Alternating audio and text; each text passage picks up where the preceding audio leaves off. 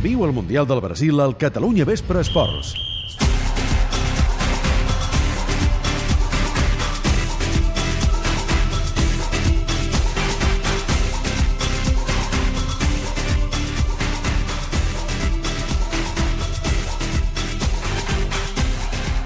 Ja tenim la selecció de l'Argentina classificada com a primera de grup. De fet, ja estava classificada, però encara faltava saber si com a primera o com a segona de grup. No ha fallat, tot i que li ha costat superar Nigèria. 3 a 2, resultat final, dos gols de Leo Messi, en el que segurament ha estat el seu millor partit des que és al Brasil jugant amb l'Argentina.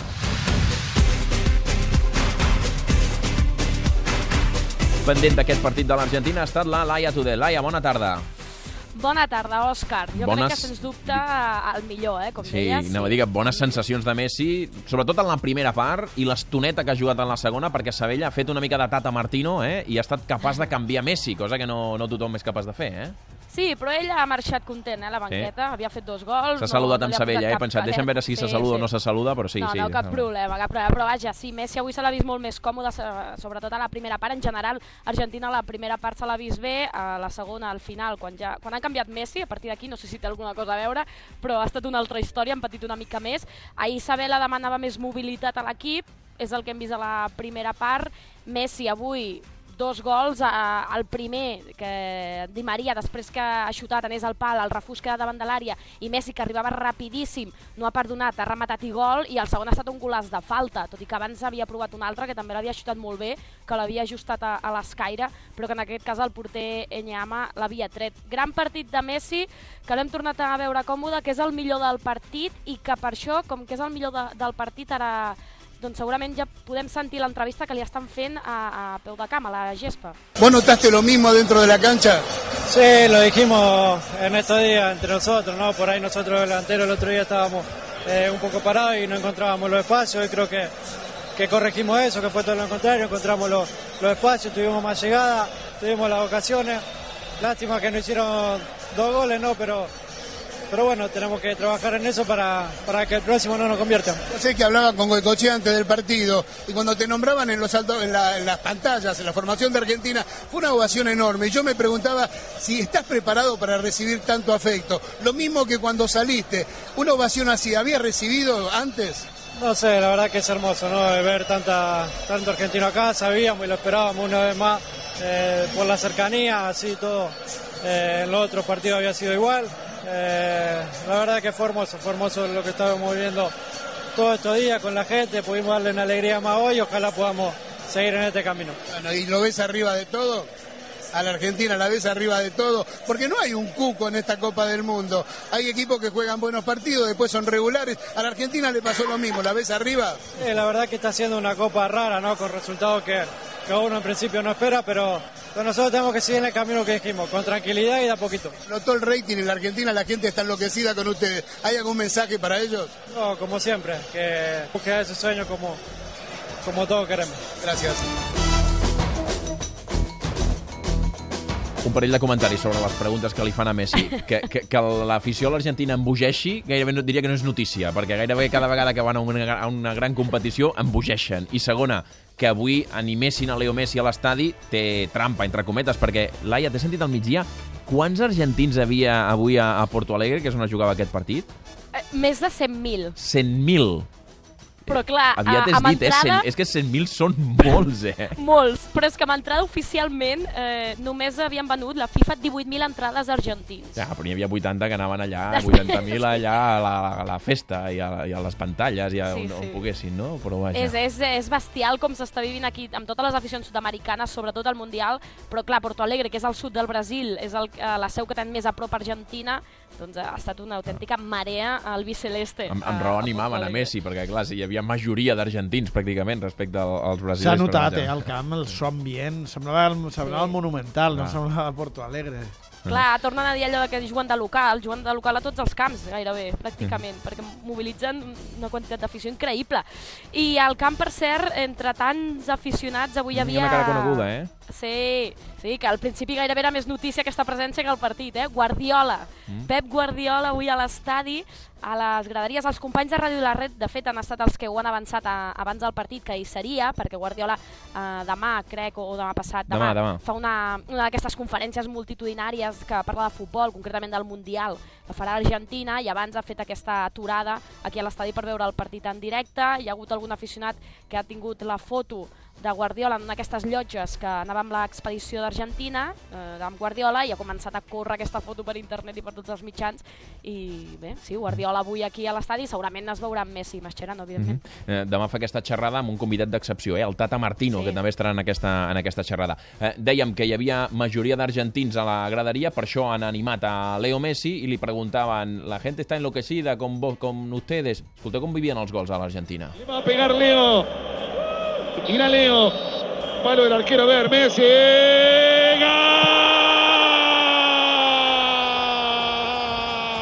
¡Dios, qué golazo! ¡Gol!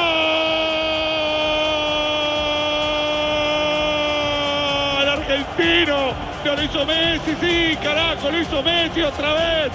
Se cansa de hacer goles, no se cansa nunca en la vida, es un fenómeno, es el 10 argentino. No se, cansa, no se cansa nunca de hacer goles. És el segon de Messi, la falta directa abans del descans. Ricard, eh, el millor partit de Messi al Mundial, Sí. tampoc no és que n'hagués fet molts de brillants, No. sinó que més aviat havia estat grisot, eh, però fa la sensació que està endollat. I Sí. quan Messi està endollat, eh, se l'ha de tenir en compte ell i l'equip en el qual eh, ell hi sigui, ara l'Argentina. Jo crec que és un punt d'inflexió el gol que li va fer l'Iran a l'últim minut i que va salvar el partit, que va ser el primer gol alliberador, eh, va ser un gol que va canviar un resultat, va ser un extraordinari, una extraordinària acció individual i jo crec que això ha canviat la vida de l'Argentina i de Messi. Avui hem vist una selecció argentina molt millor, jo crec, a mi m'ha agradat molt.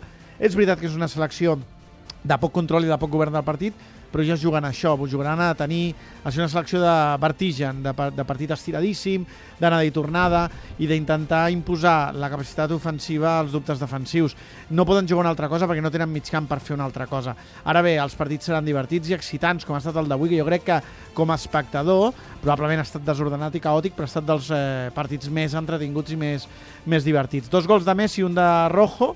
Eh, L'Argentina ha fet sis gols en aquesta primera fase, quatre de Messi, dos a pilota aturada, una prova a porta de Kolasinac i avui el de, el de Rojo, contra una selecció nigeriana a qui ja li va una mica bastant aquest escenari. Eh? Eniam aturant i de tant en tant eh, arribades en perill. Dos gols de Musa, un futbolista que està fent molt bon campionat, eh, eh, extrem del CSKA de Moscou, que fins al 2 a 2 li ha plantat cara a Messi amb el, do, amb el 2 a 2. Mm, destacat el, la mitja hora de, que deies de descans que li ha donat Sabela perquè, perquè agafi aire. I atenció ara al que queda de Mundial. L'Argentina és primera. Evita el Brasil fins la final. Per tant, ja tenim notícia. Si hi ha un Brasil-Argentina, Només pot ser la serà final, la eh? final. Messi-Neymar seria una hipotètica final, si no, no es trobarem. Els quatre gols de Messi i els quatre de Neymar, eh, per duel directe s'haurien d'esperar a la final. Tots dos encapçalant la, la classificació de màxims golejadors. Però si França és primera i Alemanya és primera, que, que s'ha de veure, però és una opció Fa pinta que probable, sí. Eh, l'Argentina també evitaria a França i Alemanya la seva part del quadre.